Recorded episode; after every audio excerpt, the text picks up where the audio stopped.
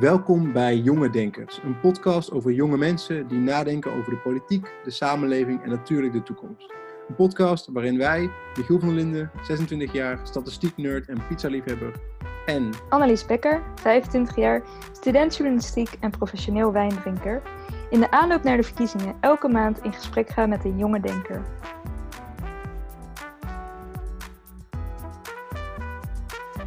Ja, vandaag zitten we met Arina Amma, interim voorzitter van Rood, Jong in de SP, dus de jongere tak van de Socialistische Partij. Je vertelde ons even in het voorstukje al dat je interim voorzitter bent. Kun je even uitleggen ehm, waarom dat het geval is? Uh, nou ja, dat is best wel een lang verhaal. Um, ik hou het even kort. Wat er is gebeurd is, uh, na het afgelopen najaar zijn er een zestal SP'ers gerolleerd uh, op basis van vermeend lidmaatschap van Communistisch Platform. Dat is een uh, fractie binnen de SP. En dat waren onder andere ook Olaf en Robin. Olaf is dan eigenlijk de voorzitter voor mij. En Robin is een van de andere bestuursleden. En ja, op het moment dat zij gerolleerd werden, waren ze beide al kandidaat voor het bestuur. Dus zij hebben toen ook na het rollement besloten om hun kandidatuur gewoon voor te zetten. En ze zijn ook met een ruime meerderheid verkozen vervolgens. En statutair gezien uh, werden zij pas per 1 januari uitgeschreven als roodlid. Dus vanaf toen uh, ja, ben ik aangetreden als interim voorzitter tot de volgende verkiezingen. En zijn Olaf en Robin nog steeds onderdeel van het bestuur, maar dan als adviseurs. Want het is niet mogelijk om lid te zijn van Rood en niet van de SP? Nee, dat kan niet. Oh, Oké. Ben je uh, ook automatisch lid van Rood bijvoorbeeld? Of moet je daarvoor kiezen? Hoe werkt dat? Als je lid wordt van de SP? Rood is, uh, rood is voor 14-jarigen tot 28-jarigen. En vanaf je 16 is SP-lidmaatschap verplicht. Oké. Okay. En je zei net ook dat um, er zijn zes SP-leden gerailleerd omdat ze lid zijn van het communistisch platform. En toen zei je, het communistisch platform is een fractie binnen de SP. Dus er is een fractie binnen de SP en het is niet oké okay om daar lid van te zijn volgens het SP-bestuur.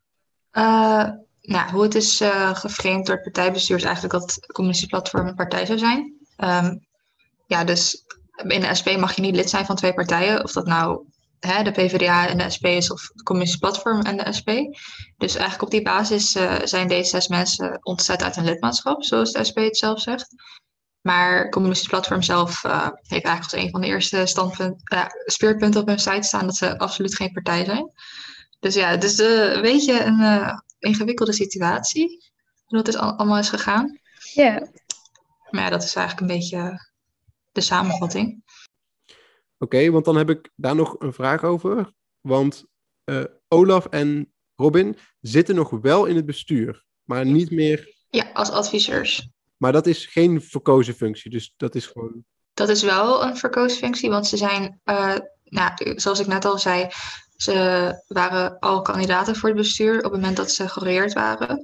Dus tijdens de ALV en tijdens de verkiezingen is ook gezegd uh, tegen de ja, stemmers van uh, hè, uh, wij zijn nu gereëerd. Per 1 januari treden wij uit ons roodlidmaatschap.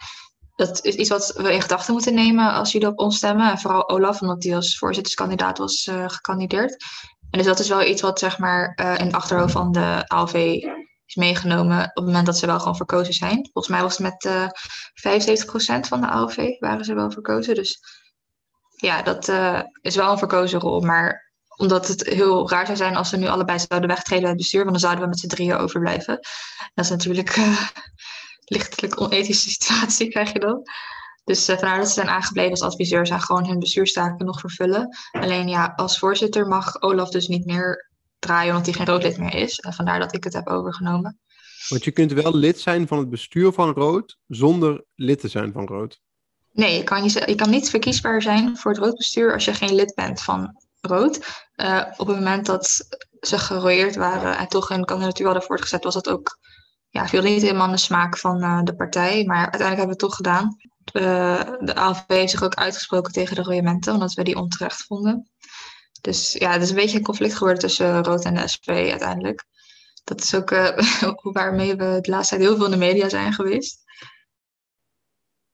Ja, nee, precies. Maar ik probeer het te begrijpen omdat um, veel uh, politieke en jongere organisaties zijn natuurlijk gelieerd aan een um, partij in Nederland, maar zijn wel onafhankelijk. Dus je kunt lid zijn van nou, bijvoorbeeld de Jonge Democraat van D66 of van de JOVD, van de VVD, zeg maar. Ehm, en daar heeft de VVD verder, die kunnen jou royeren als VVD-lid. Ehm, maar dus dan, ja, dat heeft geen impact op je uh, VVD-lidmaatschap. Of op je, of op je JOVD-lidmaatschap, sorry. Dus daarom probeer ik een beetje te begrijpen hoe, hoe je gerooieerd kunt worden als SP-lid. Dan word je ook gerooieerd als rood lid, maar toch kun je in het bestuur van rood zitting nemen. Ja, dat is inderdaad, ik zal wel een beetje gekke situatie is, want hoe het eigenlijk in de statuten staat van rood, is dat als je lid bent van rood, dan moet je lid zijn van de SP. Dus op het moment dat Robin en Olaf gerooieerd zijn, uh, was het eigenlijk ook van het partijbestuur zo van, hè, jullie zijn gerooieerd, jullie mogen geen kandidaat meer zijn. Maar omdat er zoveel ophef is ontstaan binnen Rood uh, tegen deze gebeurtenis en hè, omdat mensen het onterecht vonden, hebben ze toch een kandidatuur voortgezet. En daar is ook het resultaat gekomen dat ze gewoon met ruime meerderheid verkozen zijn. Dat zegt ook wel wat, denk ik, over de, ja, de leden, wat ze ervan vinden. Dus ja, het is inderdaad, het gaat tegen de statuten in van Rood, wat er is gebeurd. We hebben de aankomende ALV, uh, gaan we ook een statutenwijziging voorleggen aan, aan onze leden, om die uh, dat SP-lidmaatschap uh, niet verplicht te maken voor mensen die dus, zoals Robin en Olaf, uit hun SP-lidmaatschap ontzegd zijn, onvrijwillig. Ja, het is natuurlijk allemaal niet zo wenselijk hoe het allemaal gelopen is, maar wij vinden het wel heel leuk om met jou hier als kerstverse voorzitter te zitten. Dus uh, we hebben natuurlijk ook wat vragen voor jou persoonlijk. Hoe uh, ben jij ooit terecht uh, gekomen bij Rood? Nou ja, ik kreeg rond mijn zestiende denk ik wel een beetje interesse in politiek. Ik vond het ja, wel leuk om op het nieuws dingen te, bij te houden en met mijn vrienden discussies te houden over bepaalde onderwerpen. Maar ik was nog best wel zoekende hè, van welke partij pas ik bij of wil ik überhaupt politiek actief worden. Toen heb ik al een tijdje rondgekeken bij wat PO's, maar nooit echt de stap gezet om daadwerkelijk lid te worden.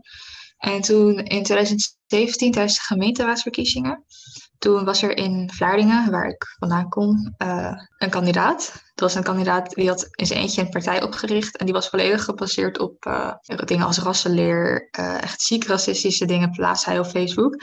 En een vriendin van mij die reageerde samen met mij op zijn Facebook dingen van hé, dit kan echt niet en zo. Toen hebben we ook een melding gemaakt bij de gemeente van hoe kunnen jullie zo iemand op de lijst zetten. En toen heeft de roodgroep in Vlaardingen ons uitgenodigd voor een overleg. En eigenlijk ben ik daarna nooit weggegaan. Nou, dat is wel echt een mooi verhaal. En um, toen uh, ben je actief geworden bij Rood. Hoe is dat zo gelopen? In eerste instantie ben ik dus in de roodgroep van Vlaardingen actief geworden na een half jaar, denk ik, ben ik daar ook contactpersoon van geworden. Dat is zeg maar, we hebben dan groepen over heel het land. En één iemand is daar een contactpersoon van. Die gaat dan bijvoorbeeld naar landelijke overleggen, zo één keer in zoveel tijd. Uh, nou, uiteindelijk zijn wij met de groep uh, gefuseerd met de groep in Rotterdam.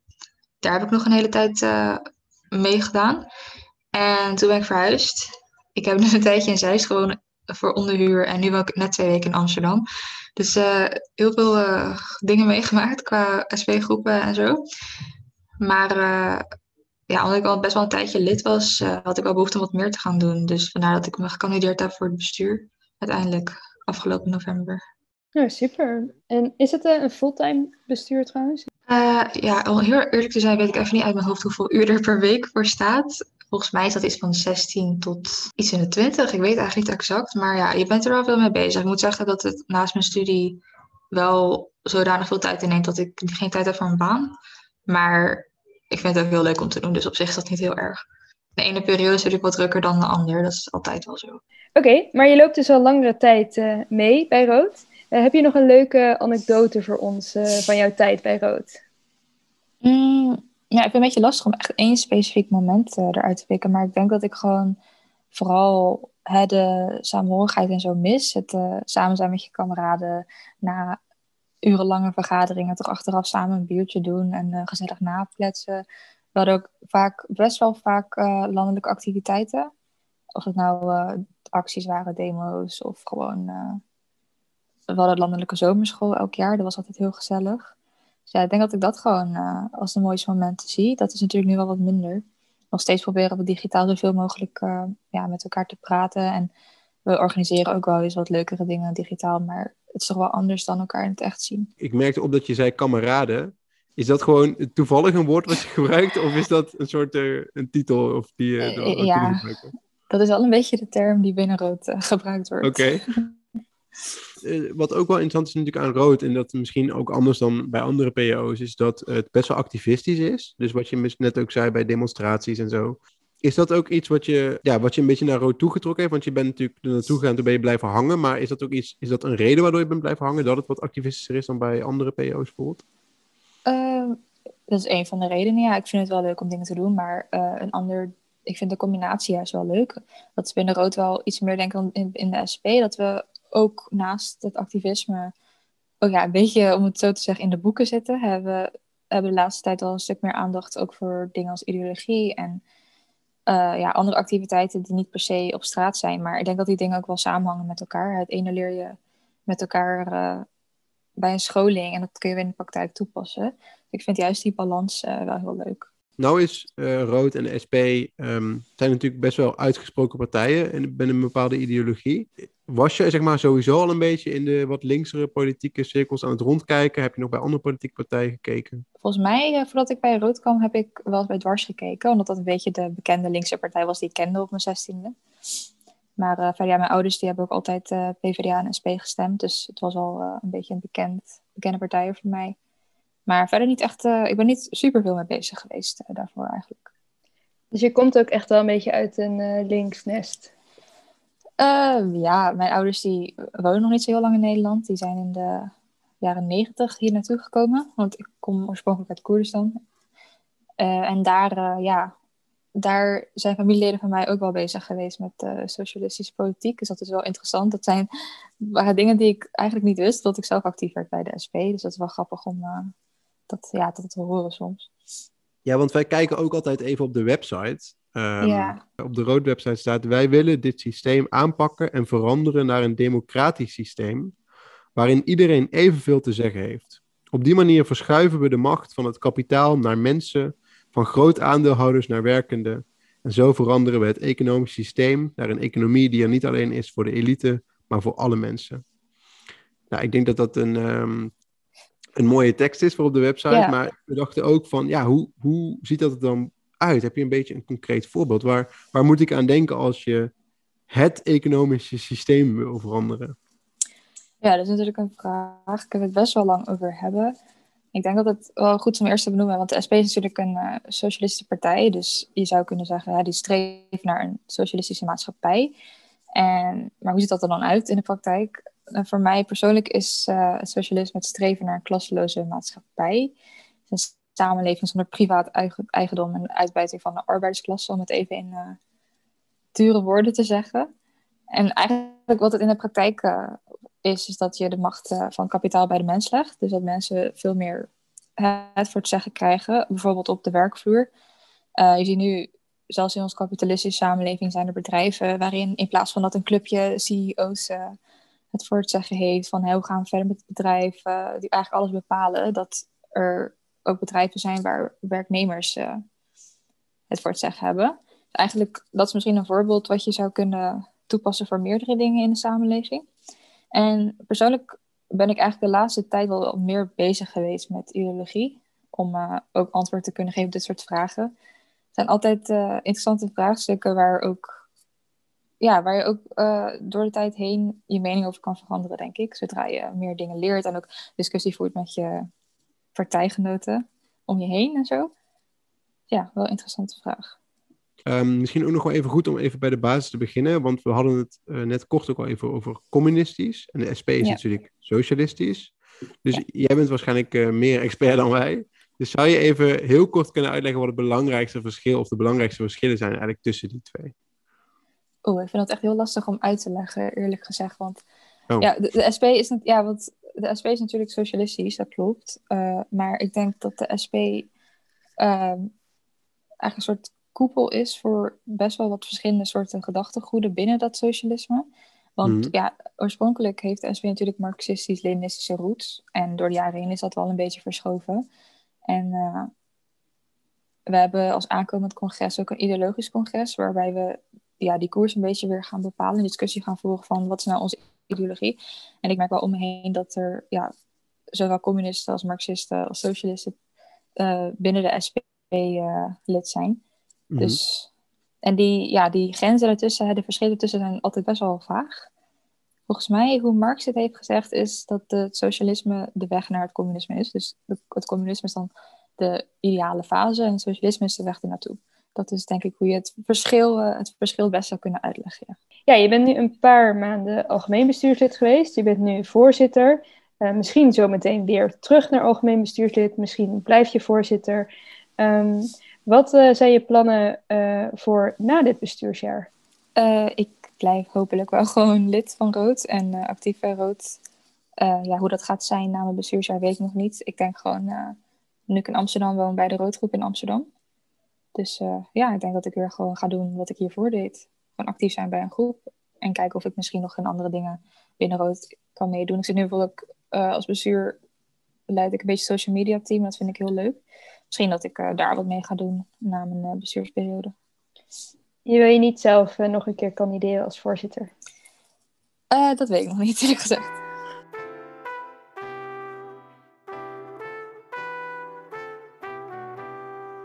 Arina, heb jij nog een leuk weetje voor ons? Ja, uh, dat is totaal ongerelateerd aan politiek, maar ik heb een uh, Hello Kitty verzameling waar ik erg trots op ben. Meestal uh, ging ik dan naar kringloopwinkels en dan ging ik afspeuren naar Hello Kitty spullen. Het kan nu helaas niet meer, dus mijn verzameling is de afgelopen tijd niet echt gegroeid.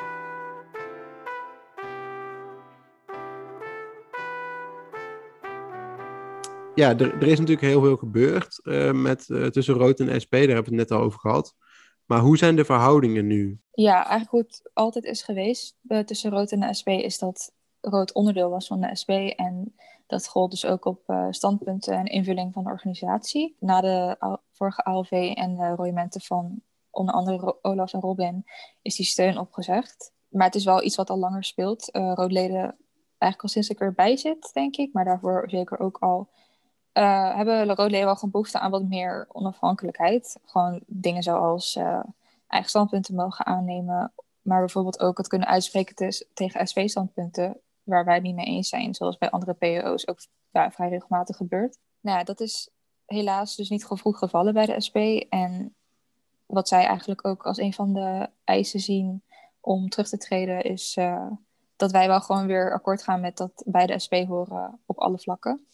En we hebben ook voor de aankomende ALV uh, een stuk geschreven samen met het bestuur, met een paar richtlijnen. Het heet uh, Naar een vruchtbare samenwerking. En daarin hebben we gewoon wat punten opgesteld waarvan wij denken dat die essentieel zijn voor een goede samenwerking tussen Rood en de SP. Bijvoorbeeld dingen als onze eigen financiële onafhankelijkheid, dat we zelf mogen beslissen hoe we ons geld besteden.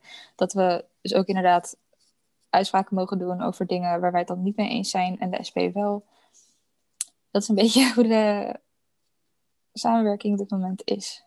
Oké, want je zegt dus ook van ja, het is niet zo goed gevallen bij de SP. En die zeggen eigenlijk van jullie moeten gewoon weer uh, op alle punten uh, het met de SP eens zijn. Wil rood weer ja, de financiële en de um, administratieve steun krijgen. Die het heeft. Dit is natuurlijk nog het begin, want jij zegt nu ook van we hebben nu een stuk geschreven en op basis daarvan gaan we weer praten. Ja, maar Dat, dat gesprek moet nog komen, dat moet nog plaatsvinden. Ja, hoe het nu uh, is, er is nu een commissie opgesteld door het partijbestuur die uh, onderzoekt ja, wat er eigenlijk de afgelopen tijd allemaal gebeurd is en hoe het zo is, zover is gekomen. Mm -hmm. En de commissie heeft volgens mij tot 1 mei om een uitspraak te doen. En ja, ik neem aan dat we daarna nog in gesprek gaan met elkaar. Maar we zijn nu wel alvast bezig om met onze leden een soort van voorwaardenlijst te maken van hoe wij uh, de samenwerking volgens zien en hoe wij willen terugtreden. Want ik denk dat onze wensen daarin ook wel meetellen natuurlijk. Ja, is dat iets wat je. Um, ja, ik, ik, jij bent natuurlijk, uh, je bent natuurlijk, omdat je roodlid bent, ben je ook SP-lid. Jij bent niet gehoord. En natuurlijk zijn er heel veel met jou, um, die ook op Olaf en zo gestemd hebben. 75% van de vereniging is echt een, uh, een forse meerderheid. Um, ja, hoe, hoe kijken uh, jij en die mensen naar deze discussie? Want het is natuurlijk ook, ik kan me voorstellen tenminste, dat het best wel jammer is dat het zo moet gaan. Want jullie hebben waarschijnlijk ja. allemaal toch een groot hart voor de SP ook. Ja, er zijn natuurlijk gemixte uh, meningen in de vereniging ook. Dat is natuurlijk heel begrijpelijk. Er zijn mensen die hebben zoiets van... Uh, we moeten afsplitsen van de SP. Want uh, ja, als zij zo met ons omgaan... kunnen we dan niet beter als eigen organisatie functioneren. Maar zover ik weet... wil de ruime meerderheid wel gewoon bij de SP blijven. Inclusief ikzelf en de rest van het bestuur. Dus dat is ook de reden waarom wij wel gewoon nog inzetten op dat, dat terugtreden. Wel met onze ja. eigen voorwaarden. Maar ja, we hebben niet echt de wens om af te splitsen en als eigen organisatie verder te gaan. Als ik aan de SP denk, dan denk ik echt aan, aan links, aan een hele rode partij. Uh, maar ik merk ook dat uh, SP en rood steeds groener aan het worden is. En ik vroeg me eigenlijk af, hoe belangrijk is het thema klimaat voor jullie? Klimaat, ja, erg belangrijk. Je merkt natuurlijk dat het voor jongeren ook steeds belangrijker wordt. Ik denk, ja, we zijn als rood wel actief in de meeste klimaatbewegingen in Nederland. Uh, onze groepen zijn ook vrijwel allemaal in de lokale klimaatbeweging actief. We doen, toen we nog konden, liepen we eigenlijk vrijwel altijd ook wel mee met uh, klimaatmarsen. En uh, een aankomende verkiezingscampagne willen we ook ons gaan inzetten voor klimaat. Dat is een van de punten die we op de agenda hebben gezet. Ja, ik vind het wel mooi om te zien dat jullie natuurlijk NL links, maar ook steeds groener aan het worden zijn. SP is natuurlijk uh, op het spe spectrum in Nederland uh, momenteel de meest linkse partij. Um, zou je kunnen zeggen. Uh, sommige binnen de partij zijn zelfs communistisch, zoals je zelf al aangaf. Vind jij dat zelf extreem links? Of... Ja, wat is extreem links? voor mij is de SP, zeg maar, je zou kunnen zeggen, linkser kan niet. Maar voor mij is het wel ja, links genoeg, zeg maar. Maar ik denk ook wel dat de SP uh, het socialisme wel het meest linkse is uh, wat je kan hebben. Maar dat is mijn mening. Dus. En als je dus inderdaad even, uh, want er is, er is altijd zo'n soort van kwadrant hè, met het politieke spectrum en welke partijen dan waar liggen. Daar kunnen we heel eeuwig over discussiëren of dat klopt. Maar als jij uh, de SP ergens op dat spectrum zou moeten plaatsen, welke andere partijen liggen er dan een beetje in de buurt? Uh, ik vind het lastig om, omdat ik op dit moment staan er wat punten in het partijprogramma waar ik het misschien niet per se mee eens ben, uh, die ook wat linkser kunnen. Dat mm vindt Rood ook. Um, maar ja, als ik dan kijk naar andere partijprogramma's, je hebt natuurlijk uh, een partij als Bijeen, die uh, strikt anticapitalisme noemt in het programma. Dat is iets wat wel bij de SP past, maar ik denk wel dat het huidige Bijeen-programma wat linkser is dan het huidige SP-programma. Dus vandaar dat ik het wat lastig vind om echt de SP op die kwadrant te positioneren, zeg maar. Um, wat zijn uh, een paar van die uh, punten, kun je daar een voorbeeld van geven waar je het niet mee eens bent? Ja, uh, bijvoorbeeld een onderwerp waar veel roodgroepen ook de afgelopen tijd mee bezig zijn geweest, is de voor 14 actie van FNV. Om het minimumloon te verhogen naar 14 euro per uur. En nou, als ik kijk naar andere partijen die dit als standpunt delen, um, hebben de meeste linkse partijen een eerder jaartal in gedachten van wanneer we dat moeten gaan invoeren dan de SP. De SP heeft dat verder in de toekomst geschoven. En ja, dat is natuurlijk best uh, jammer, want uh, waarom zou je niet gewoon zoals de rest ook uh, zo snel mogelijk naar dat 14 euro per uur willen? Zijn er bijvoorbeeld bepaalde standpunten van rood? Dit kan er bijvoorbeeld één zijn, waarin jullie dus ook proberen de SP, bijvoorbeeld, ik weet niet hoe dat werkt bij de SP, of je amendementen op het verkiezingsprogramma kan indienen, of dat het wat informeler gaat? Hoe het bij de SP gaat, want rood heeft nu dus geen eigen standpunten, omdat we dus nooit eerder die onafhankelijkheid hebben gehad. Maar ja, mhm. kijk, roodleden zijn vaak ook actief in SP-afdelingen. En hoe het gaat met het verkiezingsprogramma is dat je wijzigingsvoorstellen kan indienen via je afdeling. En daar wordt dan op gestemd in, op het congres. Ook in de afdeling trouwens. Maar dat is natuurlijk een beetje lastig, want je kan natuurlijk een wijzigingsvoorstel indienen. En als jouw afdeling klein is en er geen draagvlak voor is, dan ja, heb je de kans dat de rest van de partij het nooit te zien krijgt. Dus dat is wel ja, iets uh, iets binnen de SV. Iets waar we ook wel een beetje kritiek op hebben. Dus uh, ja, het is wel lastiger om een radicaler standpunt soms door te krijgen. Omdat je dus uh, ja, een beetje afhankelijk bent van de afdeling soms. En, dus dat is wel lastig. Hoe is, um, nu is het natuurlijk sowieso, nu is het een beetje een lastige periode in de relatie tussen Rood en SP, maar dat is natuurlijk niet altijd zo geweest.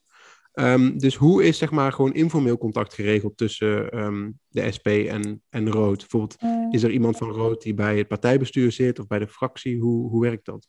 Rood is uh, welkom op de partijraad, maar we hebben daar geen stemrecht verder. Dat, okay. is, ja, dat is wel jammer, maar uh, ja, het informele contact, het is best wel laagdrempelig om een Kamerlid of zo aan te spreken. Ik denk dat contact is best prima, denk ik. Maar wanneer het echt aankomt op wijzigingsvoorstellen en zo, dan wordt er wel, wel echt gewezen op uh, de ALW's en, de en het congres. Ja, en je zei partijraad. Dus dat is het partijbestuur van de SP, of ja. is dat gewoon de titel? Nee, we hebben de partijraad en het partijbestuur. De partijraad is zeg maar het hoogste orgaan van de SP. Je zou kunnen zeggen het adviesorgaan van de SP. En uh, ja, Rood heeft daar dus ook een uh, plek, nu niet meer, omdat de steun is opgeheft. Maar uh, hiervoor uh, was uh, Rood ook altijd de Roodvoorzitter dan welkom op de partijraad. Dan alweer de laatste vraag van het tweede hoofdstukje. Um, ja, we zitten natuurlijk in verkiezingstijd. Het is voor de luisteraars, we zitten in februari nu. En ehm, nou, we hadden net al een beetje gezegd dat SP toch wel de meest linkse partij op het spectrum is. Eh, en dat maakt misschien coalities vormen soms best wel lastig. Wat, met welke partijen zou jij heel graag in een coalitie zitten en welke ook vooral heel erg niet? Dat is een uh, hele interessante vraag, want toevallig was er een tijdje terug, was vorig jaar, de ALV van vorig jaar in de zomer, toen had Lilian Marijnissen een interview gehad over coalities. En daarbij had ze ook gezegd van ja, als het, uh, wij willen graag regeren als SP en als het moet, dan smeden we ook een coalitie met uh, de VVD. Daar waren best wel wat roodleden boos over. uh, uiteindelijk is ook een motie aangenomen op de AOV om een artikel te schrijven om ons uit te spreken tegen regeringsdeelname. Want ja, persoonlijk ben ik niet echt een voorstander van coalities. Want ik denk als je uh, ja, een socialistische partij bent en daadwerkelijk een, dat programma wil uitvoeren, zeg maar, op alle standpunten, dat het lastig is om met partijen samen te werken die daar niet voor staan. Waardoor je dus vaak middenwegen moet gaan vinden. Dus eigenlijk nooit je programma kan uitvoeren, om het even zo te zeggen. Maar dat betekent niet dat ik uh, alle partijen die links zijn in Nederland verder niet leuk vind of zo.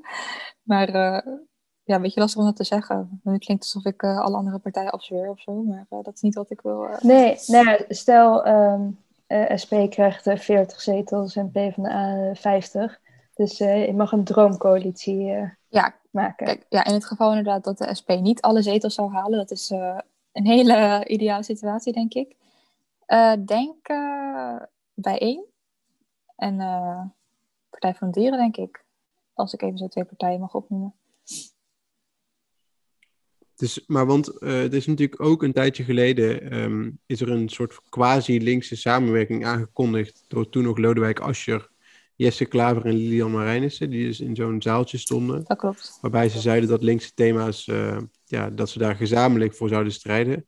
Deze campagne, Lodewijk Asscher is inmiddels afgevallen, maar ik denk dat Lilianne Plaume, Bloemen um, ja, er ongeveer hetzelfde in zal staan. Um, ja, maar dat zijn dus niet de partijen die je noemt. Um, net, die had het over bij een Partij voor de Dieren. Heeft daar nog een reden voor? Uh, ja, zijn reden voor. Nou ja, we weten natuurlijk allemaal hoe het is gegaan met de PvdA, met de toeslagenaffaire en uh, hoe de SP daarin staat. Dus ik vind het heel lastig om op dit moment te zeggen: ik zou graag met de PvdA willen samenwerken. En uh, GroenLinks, er zijn zeker punten van GroenLinks waar ik die prima vind. Maar ja, het is geen socialistische partij. Of ik denk dat bij één daar wat dichterbij in de buurt komt. Dus vandaar dat ik eerder daarvoor zou kiezen dan voor GroenLinks.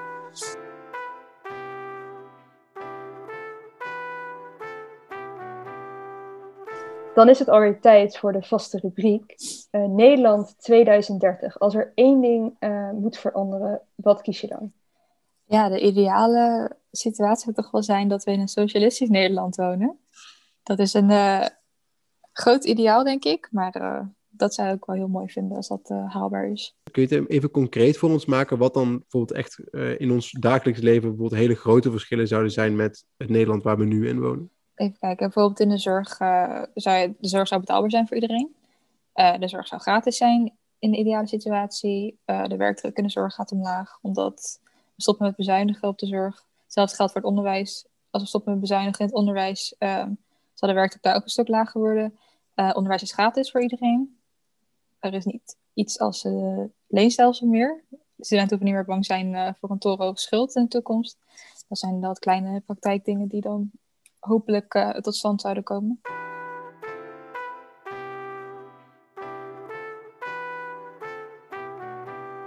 Uh, gaan jullie, uh, ja, zo goed als het kan nu natuurlijk met de lockdown, maar gaan jullie campagne voeren voor de SP?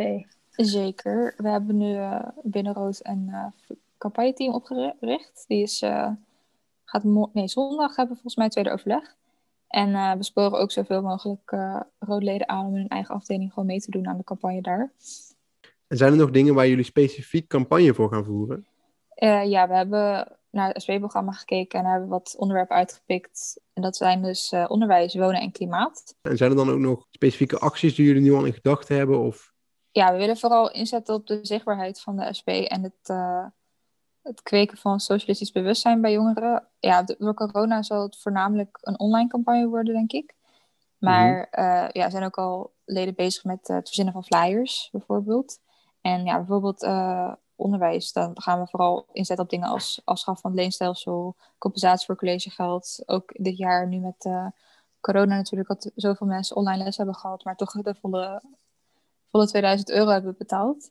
En bij een onderwerp als wonen zou je kunnen denken aan uh, hoe kunnen we woningnood oplossen onder jongeren. En uh, hoge huurprijzen van studentenkamers. Of hoe, ja, kun je een huis kopen als je een torenhoge schuld hebt. Dus dat soort dingen zullen vooral naar boven komen. Maar campagne-team is nog uh, druk aan het brainstormen over wat we nog meer zouden kunnen doen. Ja, we hebben nu natuurlijk al een aantal uh, PO-voorzitters geïnterviewd. En we merken bij uh, veel PO's een beetje de campagne van stem en jongeren de Tweede Kamer in. Staan er ook nog jonge talenten op de lijst van de SP?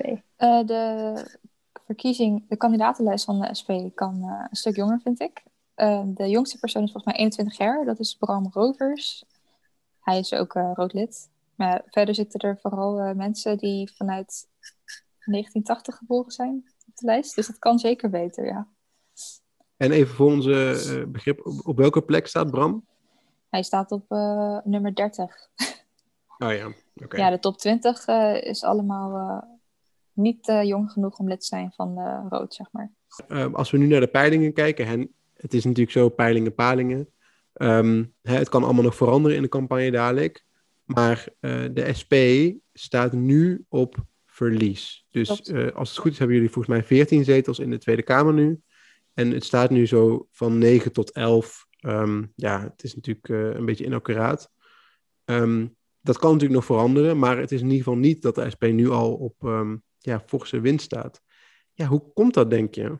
Is daar een bepaalde verklaring voor? Oeh. Confronterende... Je mag speculeren, hè? Ik bedoel... Uh... Confronterende vraag.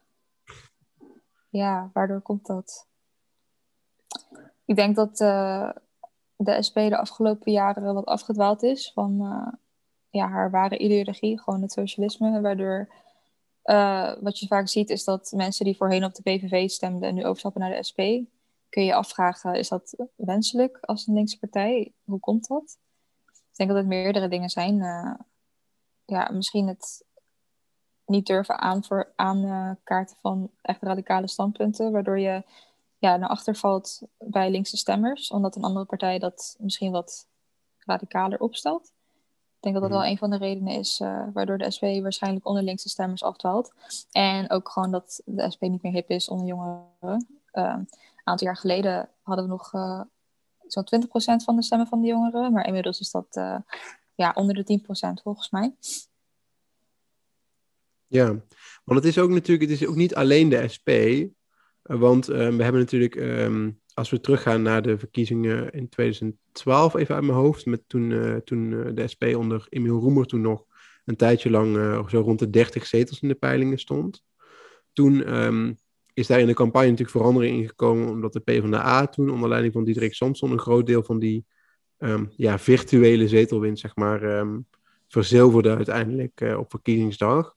Maar er was wel dus een links sentiment, zou je kunnen zeggen, in Nederland. Want hè, de SP-zetels gingen naar de Partij van de Arbeid. Goed, wij kunnen denk ik een hele discussie hebben over dat dat een andere uh, soort linkspolitiek is, maar in ieder geval links. Maar nu staan alle linkse partijen er best wel slecht voor in de peilingen. Dus dat is, ja, dat is niet alleen maar omdat jongeren bijvoorbeeld niet meer uh, nee. links aanhaken, zou je zeggen. Nee, zeker niet. Ik denk dat, uh, ik merkte ook wel dat misschien ja, rechtse standpunten de afgelopen jaren populair zijn geworden. Ja, hoe komt dat? We zitten natuurlijk in een crisistijd. En in een crisistijd uh, gaan mensen snel met vinkjes wijzen, wie kunnen we de schuld geven? En ik denk dat dat ook wel een oorzaak kan zijn voor verrechtsing van Nederland. Dat zie je ook bijvoorbeeld dingen als viruswaanzin worden steeds groter. De schuld wordt gegeven aan de verkeerde mensen, denk ik. En ik kan me best voorstellen dat in zo'n tijd mensen uh, ja, meer naar rechts schrijven. Aan de andere kant zou je kunnen zeggen, hè, juist in zo'n tijd ga je toch uh, je afvragen van waar komen deze problemen vandaan? Hè? Waarom uh, is de druk bij de zorg nu zo hoog? Ik denk dat veel mensen missen dat de echte oorzaak daarvan is wat de afgelopen jaren is, naar voren is gebeurd. De bezuinigingen op de zorg, de hoge werkdruk. En dat, dat nu ja, het resultaat in de praktijk uh, naar boven komt. Namelijk dat de druk op de IC super hoog is in zo'n crisis. Ik ben ook wel benieuwd, omdat je hebt nu ook al een paar keer gehad over dat ehm, stoppen met bezuinigingen op onderwijs en zorg. Um, salaris omhoog, werkdruk omlaag. Um, zijn er eigenlijk dingen waar um, de SP en jij wel op zouden willen bezuinigen? Want die bezuinigingen, als je daarmee stopt, dat kost natuurlijk geld. Dus dat moet ergens vandaan uh, komen. Zeker. Ja, de SP uh, en ik zelf ook zou uh, heel erg bezuinigen op het leger in Nederland. financieren op wapen, wapenindustrie, dat soort dingen. Ja, dat veroorzaakt naar mijn mening alleen maar ellende en gaat onwijs veel geld naar Defensie toe in Nederland. Ik denk wel dat, dat, daar op bezuinigd zou kunnen worden. Oké, ik, ik weet het overigens niet uit mijn hoofd, maar volgens mij iets meer dan 10 miljard van de begroting gaat naar Defensie. Maar iets van 100 miljard gaat naar zorg. Dus het is inderdaad, hè, het, is, het is niet niks, 10 miljard. Maar het is ook niet dat je, als, als jij zegt, we gaan iedereen in de zorg en het onderwijs meer betalen. Ik weet niet of je dan met 10 miljard toekomt. Nee, ik uh, kan me voorstellen dat uh, die 10 miljard niet genoeg is om het probleem op te lossen. Maar dit zijn een van de dingen waarop we zouden kunnen bezuinigen. Uh, mm-hmm. Naar mijn mening. Ja, er zullen ook vast andere dingen zijn, maar dit is voor mij de belangrijkste, zeg maar.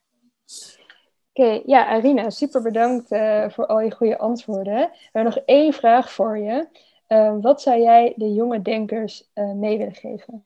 Um, nou, de verkiezingen komen er weer aan in maart. Ik uh, wil vooral alle jongeren aanmoedigen om te gaan stemmen. Want helaas zijn de opkomstaantallen van jongeren toch best wel laag in de verkiezingen. Dat is jammer, want ook onze stem telt. Dus ik denk dat is hetgeen is wat ik wil meegeven. Ga alsjeblieft stemmen en durf je stem te laten horen. En daarmee zijn we aan het einde gekomen van alweer de vijfde aflevering van Jonge Denkers. Hartstikke bedankt voor het luisteren. Heel veel dank natuurlijk ook aan Arina. Er zijn wat dingen gebeurd sinds het opnemen van deze aflevering uh, een paar weken geleden. En dat is namelijk dat Rood op zondag 21 februari een algemene ledenvergadering heeft gehouden.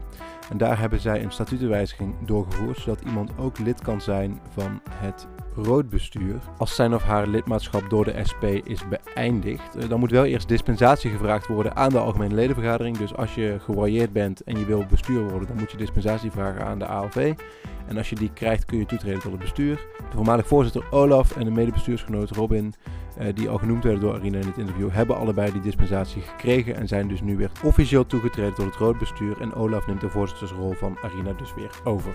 Mocht je nou meer willen weten van Jonge Denkers, dan kun je ons volgen op Instagram, Jonge Denkers, voor behind the scenes footage. Goed, wij maken deze podcast onder de vlag van de Demo, het onafhankelijke magazine van de Jonge Democraten. Wij danken je nogmaals voor het luisteren en graag tot de volgende keer.